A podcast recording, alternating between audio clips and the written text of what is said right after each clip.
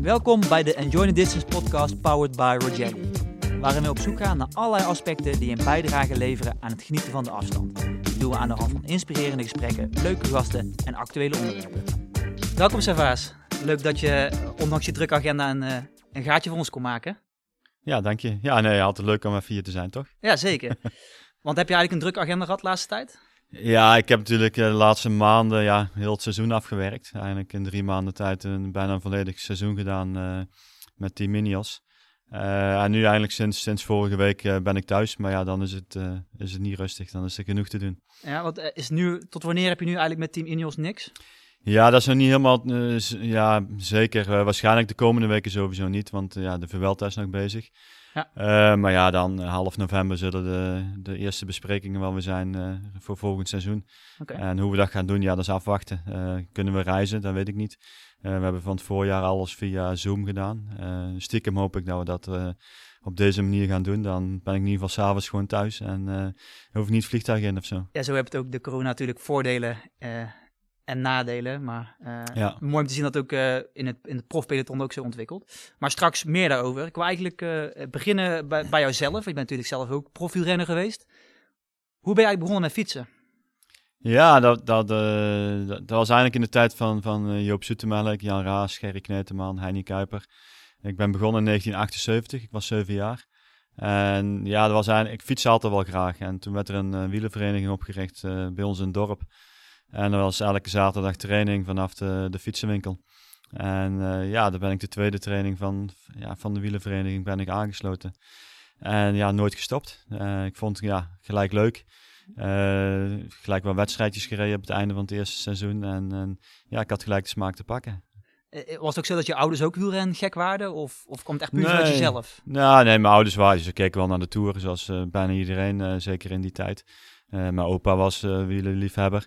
Maar het was niet zozeer, uh, mijn vader of moeder hebben zelf nooit, uh, nooit gekoerst of, of gefietst. Dus uh, het was niet dat ik het van, van iemand had gezien, zeg maar. Maar het was meer van, ja, ja het zat, ja, het zat in, in de, toch ergens in de genen, denk ik. Ik weet niet. Ik, ja, ja. Ik, ik vond het gelijk heel leuk en ja, want was de wielersport toen ook populair in, in die tijd? Ja, dat was wel echt wel heel populair in die tijd. Ik denk dat waren een beetje de hoogtijdagen van, uh, van het Nederlandse wielrennen met, met die namen die ik net, noemde. En, en uh, in 1980 Joop Zoetemelk die de Tour won. Uh, ja, elk jaar werden ze wel wereldkampioen, denk ik. en TI Rally als, als, als de grote ploeg. Ja. Dus ja, dat waren wel uh, de jaren in, uh, in Nederland. En uh, ja, je zag ook bij ons in, in de regio, ik kom uit het oosten van het land, uit Lobit, waar, ja. waar de Rijn-Nederland binnenkomt. en dat was ook een van de redenen dat die vereniging werd opgericht, omdat er gewoon heel veel gefietst werd. Ja. En ja, het was gelijk een, een grote vereniging eigenlijk. Is ook een beetje te vergelijken die populariteit van toen met nu? Of, of denk je dat het nu minder is? Want ja. De, want de laatste tijd zijn het best wel wat Nederlandse successen geweest. Ja, nee, ik denk de populariteit. Ik, ik ben toen nooit in de Tour geweest, uh, zeg maar. Maar als ik nu zie, uh, afgelopen jaren, ja, hoeveel Nederlanders er zijn in de Tour. Uh, ja, ik denk dat dat nu wel meer is als, als bijvoorbeeld twintig jaar geleden. Ja. maar in het algemeen denk ik wel dat het wielrennen altijd wel populair is. En ik denk dat dat misschien een klein beetje op en af gaat. Maar ja, het mooie is natuurlijk als, als Nederlanders het goed doen, dan dan krijg je ook meer populariteit bij de, bij de jeugd. En ik denk dat dat wel heel belangrijk is. Dat, uh, Vooral ja, is voor de toekomst weer. Voor de toekomst, dat je gewoon weer uh, kinderen op de fiets krijgt die, uh, die willen gaan wielrennen.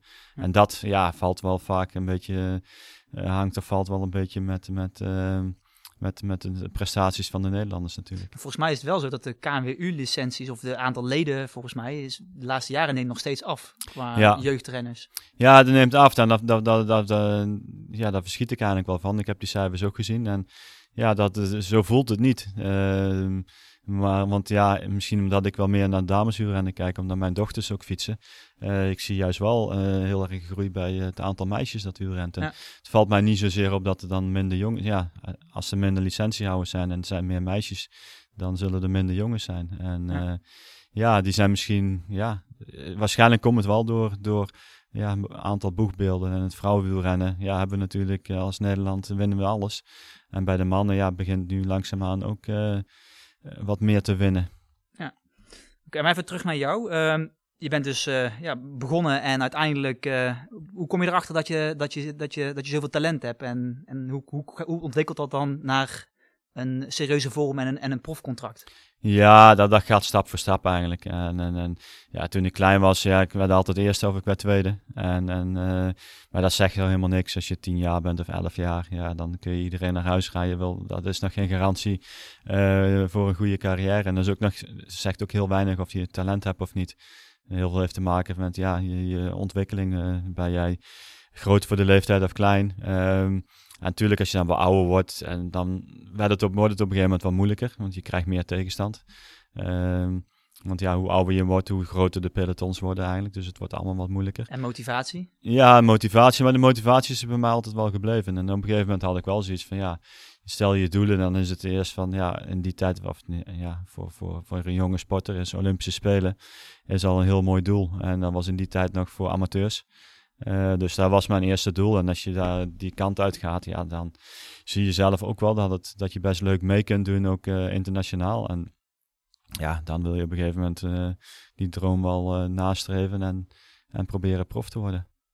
Heb je er heel veel voor moeten laten om, om te komen waar je uiteindelijk bent gekomen?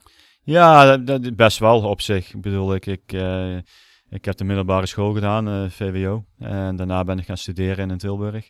Uh, ja, ik ben niet één keer, uh, ik ben niet naar de introductie geweest. Ik ben niet één keer op café geweest. Uh, en Alles ik was er ook bijna nooit. Ja, want je, je moet wel een, je kunt die twee dingen wel combineren, maar de drie dingen niet. Je kunt niet en studeren en topsport doen en ook nog eens een keer studentenleven erbij doen. Dus, dus, maar dat voelde, mij niet, voelde voor mij niet als iets, iets opgeven of iets niet doen. Dat ging wel heel natuurlijk. Dat ging eigenlijk natuurlijk en, en weet het. Maar ja, uiteindelijk moet je eh, als, als topsporter ja, over het algemeen meer dingen laten dan, uh, ja, dan dat je eigenlijk ervoor moet doen. Want wat je ervoor moet doen, dat gaat automatisch. En de dingen die je moet laten, ja, dat is de ene keer wat moeilijker dan de andere keer.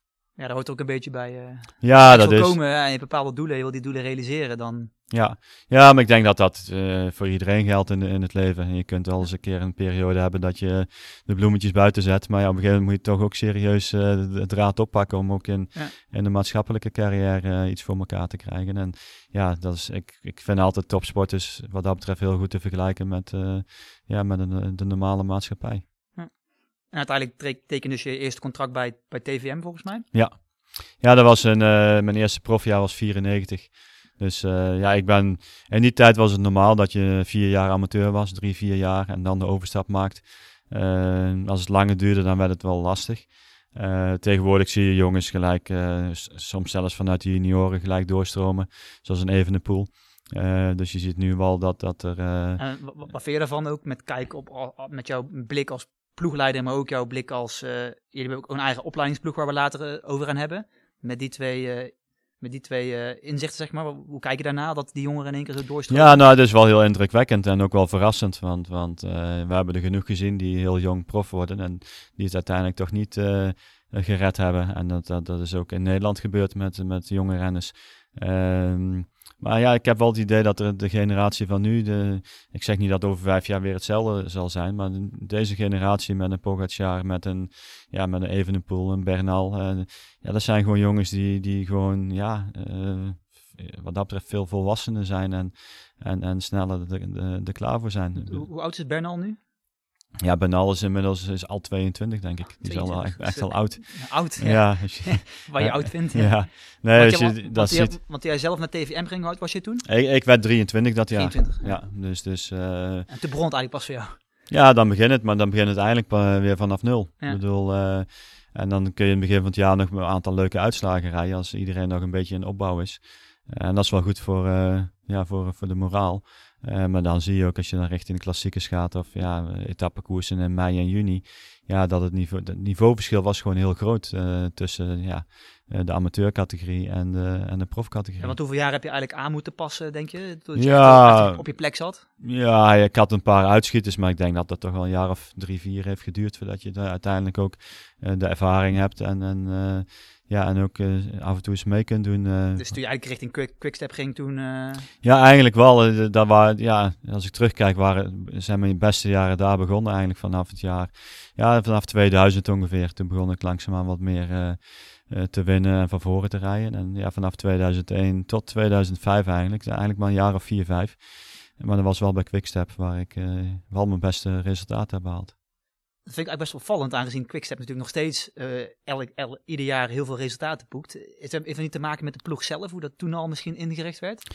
Dat, ja, je, dat jij toen bijvoorbeeld ook zo kon excelleren? Ja, de, daar heb je wel als, als uh, je hebt er natuurlijk kopmannen, maar de, de, de, ja, de instelling daar is vooral, uh, we willen winnen als ploeg.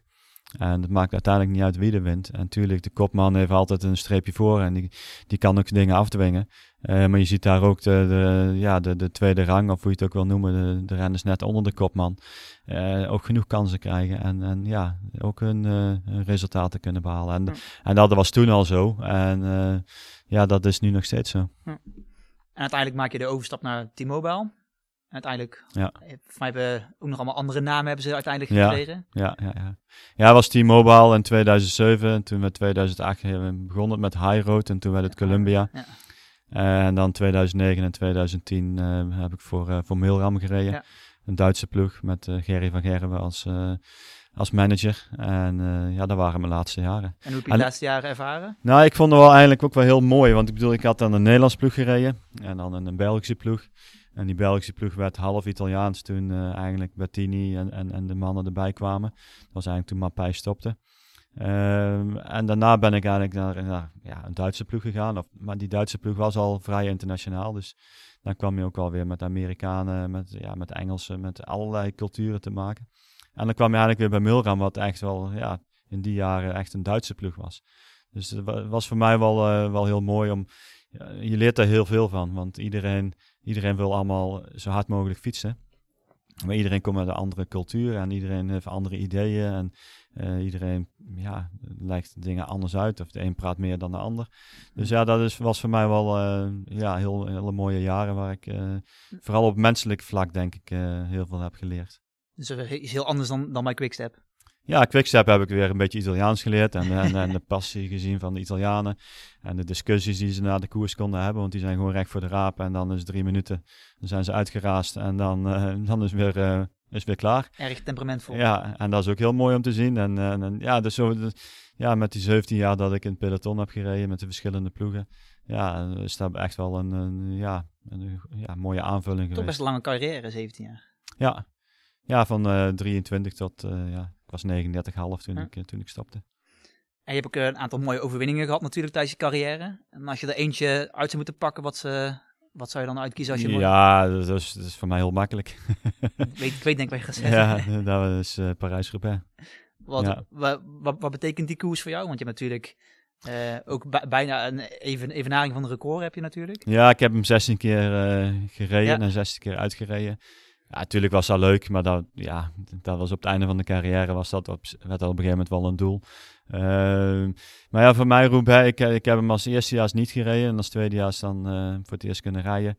En, en ik kwam gelijk in een vroege vlucht en ik, ja, ik kom naar die kasseien op en de eerste kasseien, ja, dat, dat was het. Ja, ik vond het zo mooi en ik, ja, ik, ik, ik had dat niet verwacht van tevoren. Het was niet, zo, niet echt een koers waar, waar ik, ja, uh, altijd naar keek of dat dat een bijzondere koers was. Ik, ik zag er een beetje tegenop zelfs. Uh, maar ja, vanaf dat moment was het ja, de favoriete koers. En, en uh, ja, na zeven keer gereden hebben, won ik hem. En uh, ja, dan is het helemaal eh, de koers van het jaar voor mij. Ja, snap ik. Vond je het ook de zwaarste koers? Ja, dat lag er maar aan hoe, hoe je in de wedstrijd zat. Ik, ik, ik, het is wel zo, ik heb hem 16 keer gereden en, en, en het meest moe was ik de eerste jaren. En het minst moe was ik de laatste jaren. Dus heel, je steeds beter wist hoe je de, je ja. energielevels uh, moest verdelen. Ja, ik, ik weet niet wat het is. Ik, ik, ben, ik ben daar geen expert in. Ik, ik, kom niet uit de medische wereld. Maar ik had het idee dat, dat je lichaam er op een gegeven moment toch aan wendt. En misschien, heeft het, misschien kunnen marathonlopers dat ook, ook uh, zeggen. Dan, ja, die lopen ook maar één of twee marathons per jaar. En waarschijnlijk is het de, de impact die een marathon op je lichaam heeft. Ik weet het niet, hè. Het kan maar zo zijn. Is, is misschien wel minder door de, na, als je het vaker doet. En dat gevoel had ik wel met Parijs-Roubaix. De, de, de, eerste jaren was ik helemaal gebroken. Kon ik ja, als het ware een week niet, niet uit mijn bed komen. Alles deed zeer. en in de laatste, de laatste jaren ja, had ik eigenlijk nergens last van. En ik reed nog steeds bij de, in de top 30, zeg maar. Het was niet dat ik uh, op mijn gemak uh, gereden had. Dus alsof het lichaam er toch een klein beetje aan gewend raakt. Ik weet het niet Overigens lag dit jaar het parcours, het is laatst niet doorgaan natuurlijk, Parijs-Roubaix, maar het parcours lag wel heel zwaar bij, heb ik gezien. Ja, ik heb ook wel foto's gezien. En uh, ja, het, het, is natuurlijk uh, in april, de laatste jaren ligt het er redelijk bij in april, ook als het zou regenen, uh, valt het nog wel mee. Uh, maar nu in oktober, ja, alles is van het land gehaald natuurlijk. En, Ja. en die, die wegen worden eigenlijk alleen maar gebruikt, nog bijna alleen maar gebruikt door tractoren als ze op het land moeten zijn. Dus, dus ja, en nu met een nat, eh, nat najaar en, en alle, alles wat geoogst is, ja, ligt er gewoon heel veel modder op. En ja, als het dan eh, zo'n weer is als de afgelopen week en, Ja. en het regent, ja, dan eh, hadden, ze, hadden ze de borst nat kunnen maken. Wie, wie, wie zou je hebben opgeschreven voor de winst dit jaar? Ja, en met die omstandigheden ligt het, eh, ja, maakt niet uit welke omstandigheden. De Van der Poel en Van Aert zijn de komende jaren eh, gewoon de favorieten voor Parijs-Roubaix. En in die omstandigheden eh, zeker ook. Alleen wil niet zeggen dat, dat ze dan nog gaan winnen, want het kan ook tegen ze werken. Want ja, al, je- je, kun- je kunt ook overmoedig raken en, en, en, en denken van alles is mogelijk. En ik denk dat iedereen ook naar, naar die twee gaat kijken als er iets moet gebeuren. Van, eh, Ja. laat maar zien. Ja, en, maar het is niet zozeer als je een goede veldrijder bent dat je dan, dan Parijs-Roubaix in de modder kunt rijden. Want, want het, het, het is totaal anders dan in de modder rijden in, eh, in het veld. Eh, Ik bedoel, want onder die modder liggen nog wel kasseien. Ja. Dus, dus het is anders glad. En het, het, het, het- je glijdt makkelijker weg dan, Ja. dan in een veldrit. Dus het ook, ook voor die man natuurlijk hebben ze veel meer ervaring en, en veel meer feeling en, en eh, ja, minder angst waarschijnlijk. Dus, dus eh, natuurlijk is het wel een, een voordeel. Heb je zelf ook een veldrijder gedaan? Eigenlijk alleen als training. Ik heb mijn eerste jaar als prof heb ik twee veldritten gereden. Eentje in eh Zeddam, omdat dat vlak bij was waar ik woonde. En eentje in Surhuis-de-Veen. En na Surhuis-de-Veen, ja, daar is één grote modderpoel. Heb, ik, heb ik het niet meer gedaan. Maar wel, ik ben in de winter wel altijd op de, op de veldritfiets gaan trainen. En eh, ehm, ook, ook eh, op woensdagmiddag in Alphen. Daar gaf toen Nico van Hest eh veldrittraining voor, voor de prof eh, veldrijders. En dan mochten wij dan meetrainen. En eh, ja, meestal in het weekend eh, een veldtoertocht. Oké. Ja. En uiteindelijk dus eh, na je laatste pro- profcontract eh, naar een jaartje ploegleider geworden. Want hoe, hoe ben je daarbij terechtgekomen? Ja, weet je, als renner wil je eigenlijk, dan is het niet je ambitie om ploegleider te worden. Zeker niet als je halfweg je carrière bent. Eh, maar ja, op het einde van mijn carrière kreeg ik de mogelijkheid eh, bij Milram om, om, om te stoppen, eh, zeg maar. maar ook om daarna als ploegleider aan de slag te gaan. Dus ze hebben eigenlijk zo besloten van oké, eh, 15 augustus eh, 2010 was dat. Heb ik mijn laatste wedstrijd gereden hier om de hoek in Etteleur. Ja. En twee dagen later was ik ploegleider in eh, toen nog een Eco-tour. En ja, ben ik gelijk van, de, van de fiets in de auto gestapt. Toen stopte de Milram op het einde van het seizoen. En ja, toen ben ik... eh, eh, ja, was ik wel een luxe positie. Eh, ik kon de vijf of zes ploegen wouden mij wel hebben. Dus ja, dan heb ik uiteindelijk dan gekozen om bij Team Sky aan de slag te gaan. En, geen, geen slechte keuze, denk ik. Nee, zeker niet. Zeker niet. Want Wat mij heel erg aansprak was, het was een nieuwe ploeg met, met een, een vernieuwende manier van werken. Ja, en, en, en dat, dat vond ik wel heel mooi. En ja, om daar nou mijn eigen input eh, bij te hebben, ja, dat, dat, eh, dat is gewoon ja, super mooi om te Ja. doen. En, en ook op een andere manier met andere, ander soort renners werken natuurlijk. Ik, ik heb altijd in ploegen gezeten die, die over sprinter hadden of eh, voor de klassiekers reden. En dan kom je in een ploeg waar, waar ja, de Tour, eh, de gele trui in de Tour, het allerbelangrijkste is. Dus Ja. ja, het is een heel andere manier van, van, ja, van koersen en, en, en ja, voorbereiden. Wat is eigenlijk het takenpakket van een ploegleider? Wat, is dan nou, wat, wat doet hij precies? Ja, dat is verschillend per ploeg. Ehm, want, eh, maar vooral voor mij is vooral, ik ben gewoon de verantwoordelijke eh, tijdens de koers. Eh, dus eh, alle mensen die er zijn, eh dan moet ik zorgen zeg maar, dat alles eh, goed georganiseerd is. Eh, de, de planningen maken voor de, voor de wedstrijddagen. Eh, ook, Ook voor de trainingen. Ja, ook als, we, als er getraind moet worden, dan, ja, eh, dan maak je daar een planning en dan moet je een routetje zien te, een route zien te vinden. Eh, maar het belangrijkste is vooral natuurlijk gewoon tijdens de koers om eh, ook met die renners, ja, ook, en dat doe je voor de koers al, ook een, een tactiek uit te stippelen en, en ja, dat tijdens de koers zo goed mogelijk te, uit te voeren en ja, bij te sturen als, als het nodig is. Is het misschien is, is het te vergelijken met een coach van een voetbalteam? Of is dat, is dat weer Ja, net ze- een, een heel andere rol? Ja, ja, je hebt bij ons kun je eigenlijk twee coaches zien. En de voetbal misschien ook wel. Eh, natuurlijk een coach die de training verzorgt voor, eh, in voorbereiding op de wedstrijd. En dan heb je de, de ploegleider die dan eigenlijk ja, een soort van coach is. Want ja, eh, met de ervaring die wij hebben als oud-renner, ja, kun je op bepaalde momenten in de koers heel nuttige informatie geven natuurlijk. Dat, dat voor de koers, dat is altijd lastig. Er zijn zoveel dingen die kunnen gebeuren. Maar, veel scenario's. Ja, scenario's. Maar wat je, wat je, het voordeel wat je hebt als oud-renner is dat je heel veel al eens een keer hebt meegemaakt en al eens een keer hebt gezien. En uh, ja, het, het, is niet zo dat wielrennen uh, op, op zich heel erg veel veranderd is. Uh, Het is niet dat je honderdduizend verschillende tactieken kunt volgen. Dus, want, want, want, zie je veel verschillen tussen hoe het tijdens jouw proftijd was en hoe het nu is? Ja. Misschien qua mentaliteit of manier van werken? Of... Ja, nou, mentaliteit is wel veranderd, denk ik. ik denk wel dat, dat, dat... Maar ik denk dat dat... Dan kom je weer terug op de maatschappij. Ik denk de maatschappij is ook veranderd. En, en, en, dat zie je in de sport ook terug. het is allemaal wat harder en, en, en het is wat minder collegiaal. En wat, ook meer wetenschappelijk onderbouwd? Ja, ook dat. Ook dat uh, op, op, op vlak van training, op vlak van materiaal. Uh, ja, je hebt er zelf waarschijnlijk ook mee te maken hè, met, met kleding. Als je kijkt naar een shirt van, uh, van 30 jaar terug en een shirt van nu. Zo'n verschilletje, ja. Ja, of een shirt van 10 jaar terug al. Hè. En, en, en dat sprak me ook wel heel erg aan bij, bij, bij, bij Sky. Dat zij zich daar heel erg in gingen verdiepen. En, en probeerden het wielrennen te vernieuwen. En ja, iedereen lachte in het begin. Ik, was, ik was prof mijn laatste jaar en toen kwam Sky in het peloton. En die reden met, uh, met, met uh, soort van tijdritpakken in, in de koers. En die reden met dichte helmen. Ja. En we zeiden allemaal van, zijn dat voor mafketels? Ja, Weet je wel?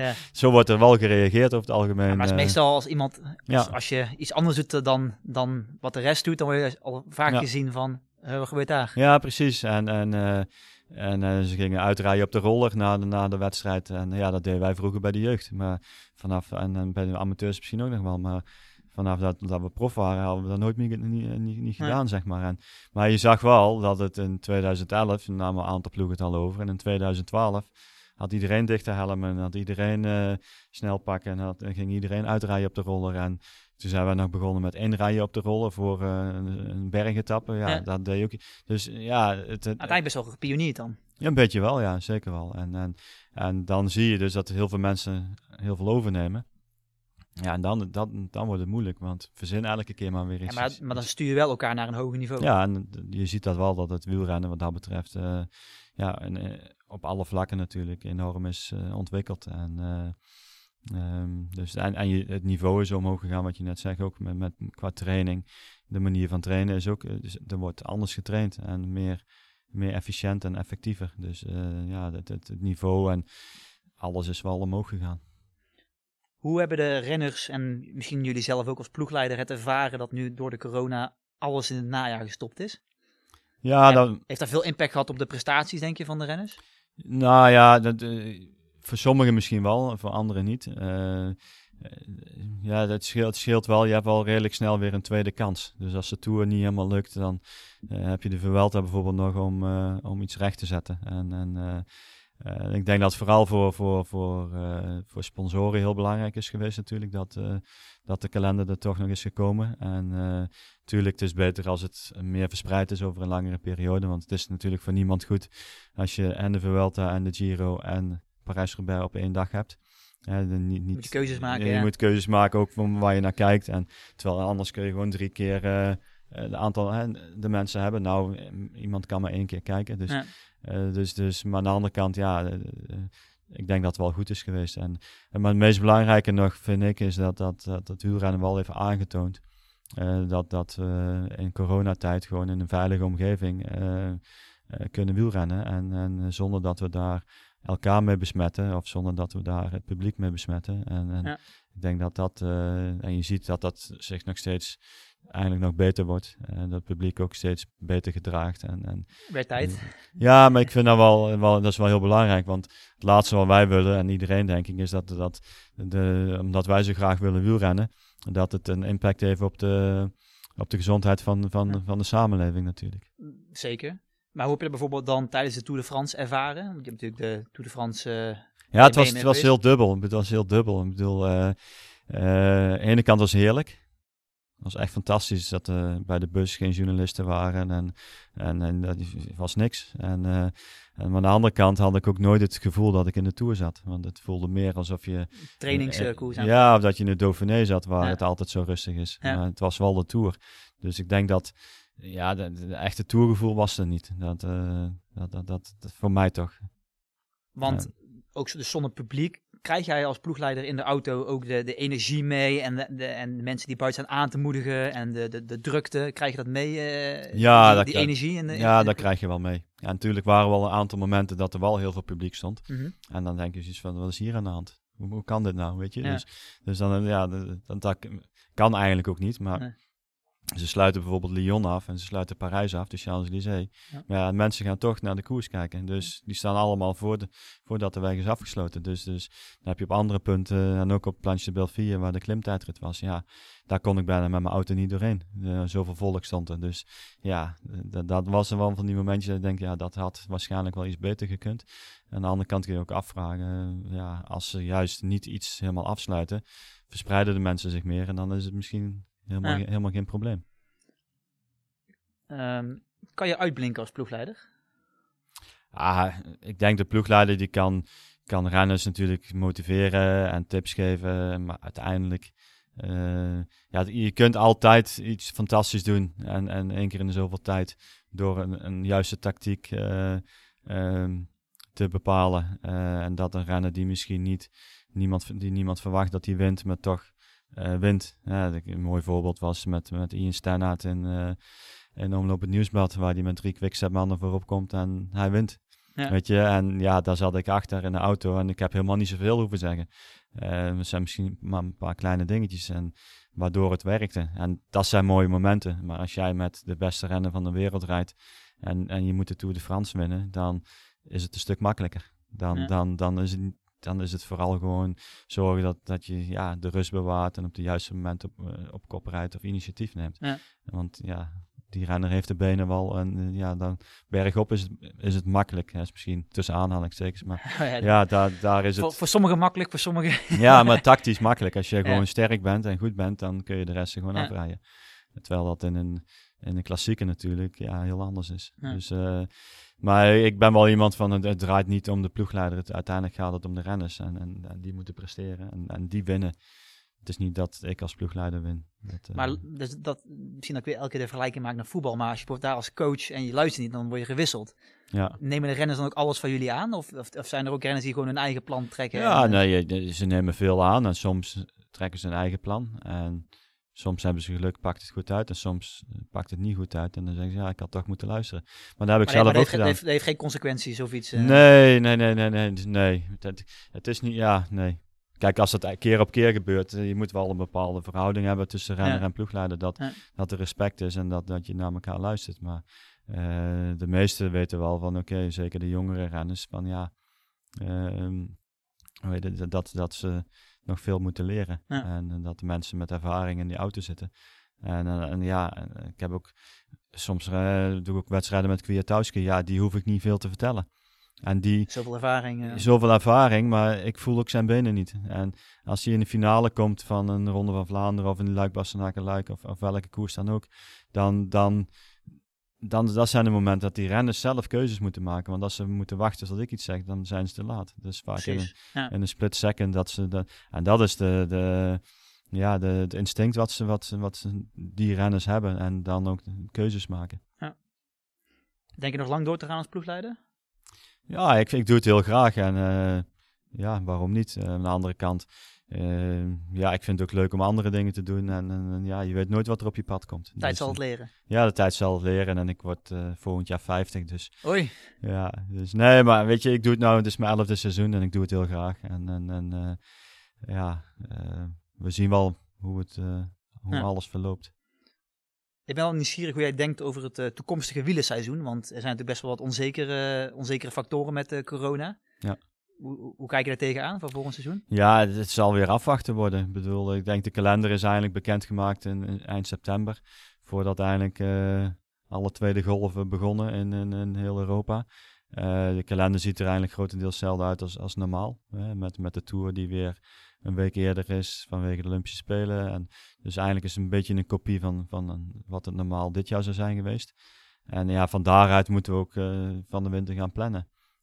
De enige is wat, ja, waar wij naar kunnen kijken is van gaan we buiten Europa koersen of blijven we hier? gaan we, ja, gaan we 20 uur in het vliegtuig zitten en misschien in quarantaine moeten als we aankomen. hoe gaan we met dat soort dingen om? Um, en dat gaat best wel een puzzel worden, denk ik. Want als je wedstrijden eruit laat ja, en je hebt 30 renners, ja, gaat het moeilijker worden om iedereen te laten koersen. Dus, uh, maar, gaat maar, maar hoe, hoe, ga je dat bepalen? Bepalen dat renners zelf? Of ga je eh, heb je een club die dat bepaalt binnen, binnen Ineos? Of? Ja, we, we doen dat met een redelijke groep mensen. Uh, en natuurlijk, de renners die worden allemaal gehoord van, oké, wat zeker de, de toppers, zeg maar. een Bernal uh, wordt zeker naar geluisterd van, wil je de Giro winnen volgend jaar? bij wijze van, of gaat hij alles op de tour zetten? en als je dan weet wat de kopmannen uh, voor doelen hebben, dan kan daar onze grote baas ook eerst eens naar kijken, want die moet er ook achter staan. Want Benal kan wel zeggen, ja, ik wil de Giro rijden. Ja, als, als de sponsor of de baas zegt, nee, jij gaat gewoon de Tour rijden, dan gaat hij gewoon de Tour rijden natuurlijk. Als dat allemaal een beetje bepaald is, dan gaan we eindelijk vanuit de Tour uh, als het ware terugplannen. En zeggen, oké, met welke groep renners gaan we, gaat de Tour, uh, de longlist zijn voor de Tour? En met die renners, oké, wat gaan ze als voorbereiding rijden? En dan werk je eigenlijk terug naar het begin van het seizoen. Dan hebben zij hun programma en dan ga je eigenlijk daar rond uh, ploegen bouwen. En dan heb je de klassieke groep, oké, wat gaan die rijden? Uh, de Giro-groep heb je dan nog. En zo wordt het helemaal uitgesteld. En zo wordt helemaal een puzzel. En uh, dat is niet op een paar uur gemaakt. Dat, dat, dat is echt wel veel over ja, brainstormen praten. dan en hoeveel, en hoeveel, mensen zijn daarbij betrokken? Ja, dat, dat zijn over het vaak toch wel een man of twaalf. Uh, want ja, we hebben zes ploegleiders, we hebben vier of, vier of vijf coaches. En dan heb je Dave Brailsford, uh, de, de, grote, de baas van de ploeg. Eindverantwoordelijke. Ja. ja, en de eindverantwoordelijke. Dus als we er echt niet uitkomen, dan moet hij vaak soms knopen doorhakken. En ja, hij kan ook een knoop doorhakken. Wij kunnen niet zeggen, Egan, jij gaat naar de Tour in plek van de Giro. Nee, precies. Dus weet je, dus dat, dat is ook... Uh, en dan op een gegeven moment gaan we ook wel wat in kleinere groepjes wat dingen doen. Uh, zeker als wij de grote lijnen hebben, dan gaan wij als ploegleiders uh, proberen dat, ja, die... die ja, die, die grote namen worden ingevuld en de goede knechten worden ingevuld, maar dan hou je nog tien renners over die ook een programma moeten hebben. Ja. En dan proberen wij daar ja, een beetje creatief mee te zijn, een beetje kijken wat, ja, wat, waar is een renner goed in. Kunnen wij hem wel wedstrijden geven die hem liggen, of moet hij soms ook een keer naar België komen, terwijl dat helemaal niet uh, ja, zijn ding is. Nee. Ik ben benieuwd voor volgend jaar uh, wat, er, ja. uh, wat er staat te gebeuren. We gaan het, we gaan het zien. Ja, zeker. Je hebt al een keertje eerder aangehaald. Hè? Je hebt natuurlijk vier dochters. En uh, um, je hebt samen met je vrouw Natasja hebben jullie een, uh, een stichting Pavé. En ja. um, kun je misschien een stukje vertellen met, met wat jullie doen met die stichting? Ja, zeker. Uh, wij, wij, wij, zijn die stichting in 2017 begonnen. En eigenlijk, ja, Pavé staat eigenlijk een beetje voor plaveien. We willen eigenlijk de, de wegen plaveien voor, voor jonge wielrenners. En dan zijn we begonnen met, met, met evenementen.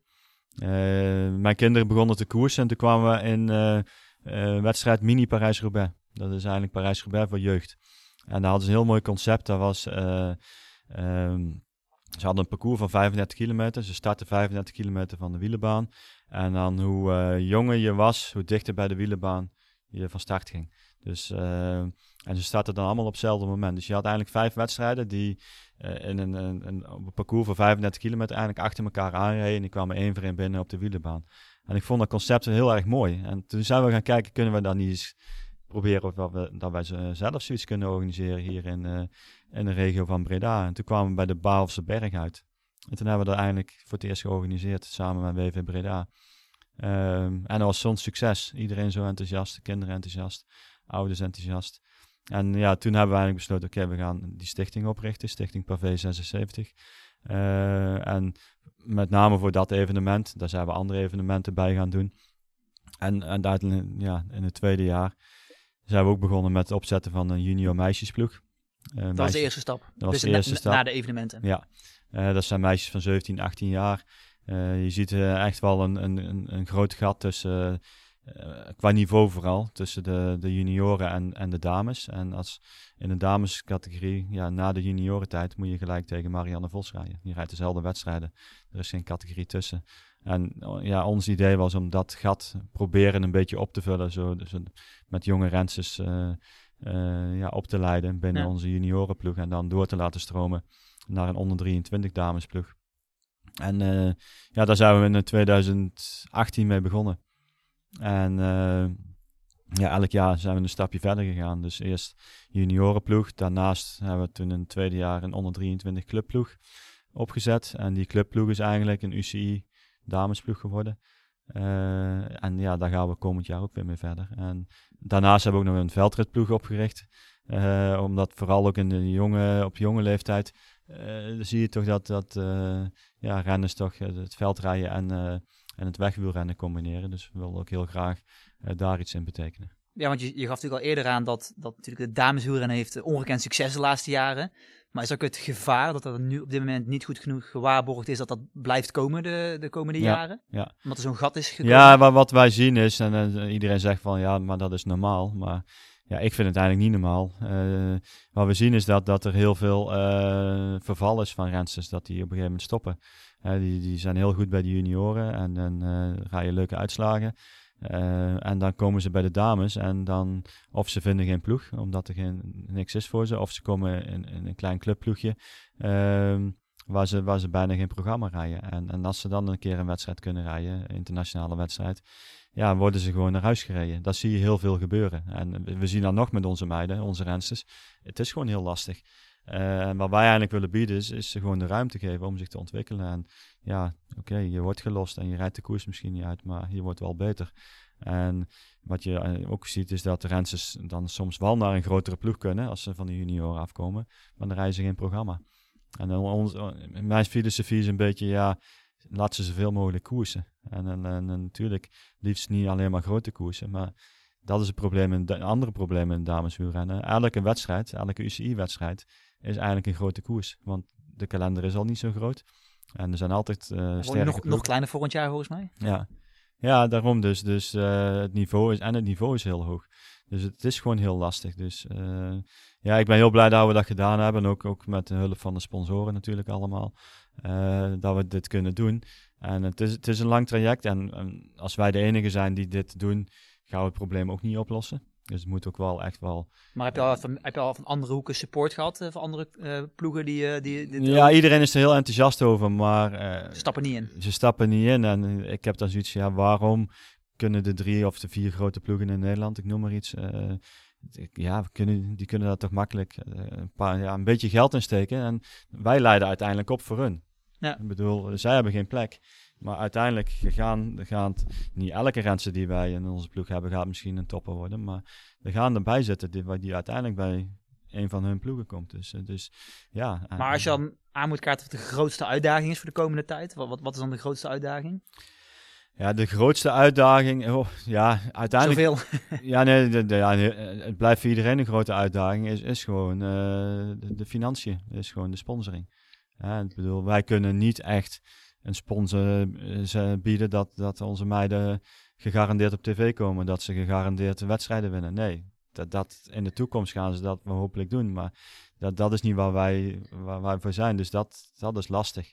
Maar we kunnen natuurlijk op een andere manier heel veel doen met sponsoren, want ja, we kunnen wel eh, persoonlijke aandacht geven en, en, en met, met de sponsoren heel erg bij betrekken. Wat Dus, me eh, ook erg opviel is bij de Ronde van Vlaanderen het prijzengeldverschil tussen de mannen en de vrouwen. Is het ook niet een onderdeel van het probleem? Dat de, het prijsgeld zo laag is bij de vrouwen? Ja, op, op termijn. Ik, ik, ik, ik, ik, ja, iedereen, denk ik, eh, wil gelijkheid. Eh, maar gelijkheid eh, creëer je niet eh, op twee jaar tijd. Nee. En, en de UC werkt heel hard om alles gelijk te trekken. Maar je ziet dat het dat, dat eh, heeft tijd nodig. Ik bedoel, ehm, als zij verplichten dat de Ronde van Vlaanderen net zoveel prijzengeld moet betalen als, eh, als dat ze de mannen betalen. Ja, wie gaat dat betalen? Ze moeten het geld wel hebben. En, en, en eh, Patrick Lefevre zegt ook, ja, ik heb het geld niet om een damesploeg te, te beginnen. Ze willen ook graag dat alle mannenploegen een, een vrouwenploeg heeft, hebben, maar ja, dat, dat heeft tijd nodig. En, en, en, ja, en heel veel hangt natuurlijk samen met, met eh, tv en eh, live op tv komen. En dat was nu afgelopen maand met, de- met de Belgische wedstrijden heel goed. En, en dat is heel belangrijk. En Dus er zit- er zit wel ontwikkeling in. ja, er zit zeker ontwikkeling in. En, en, maar dan moeten we ook nog eerst, we moeten wel een peloton hebben.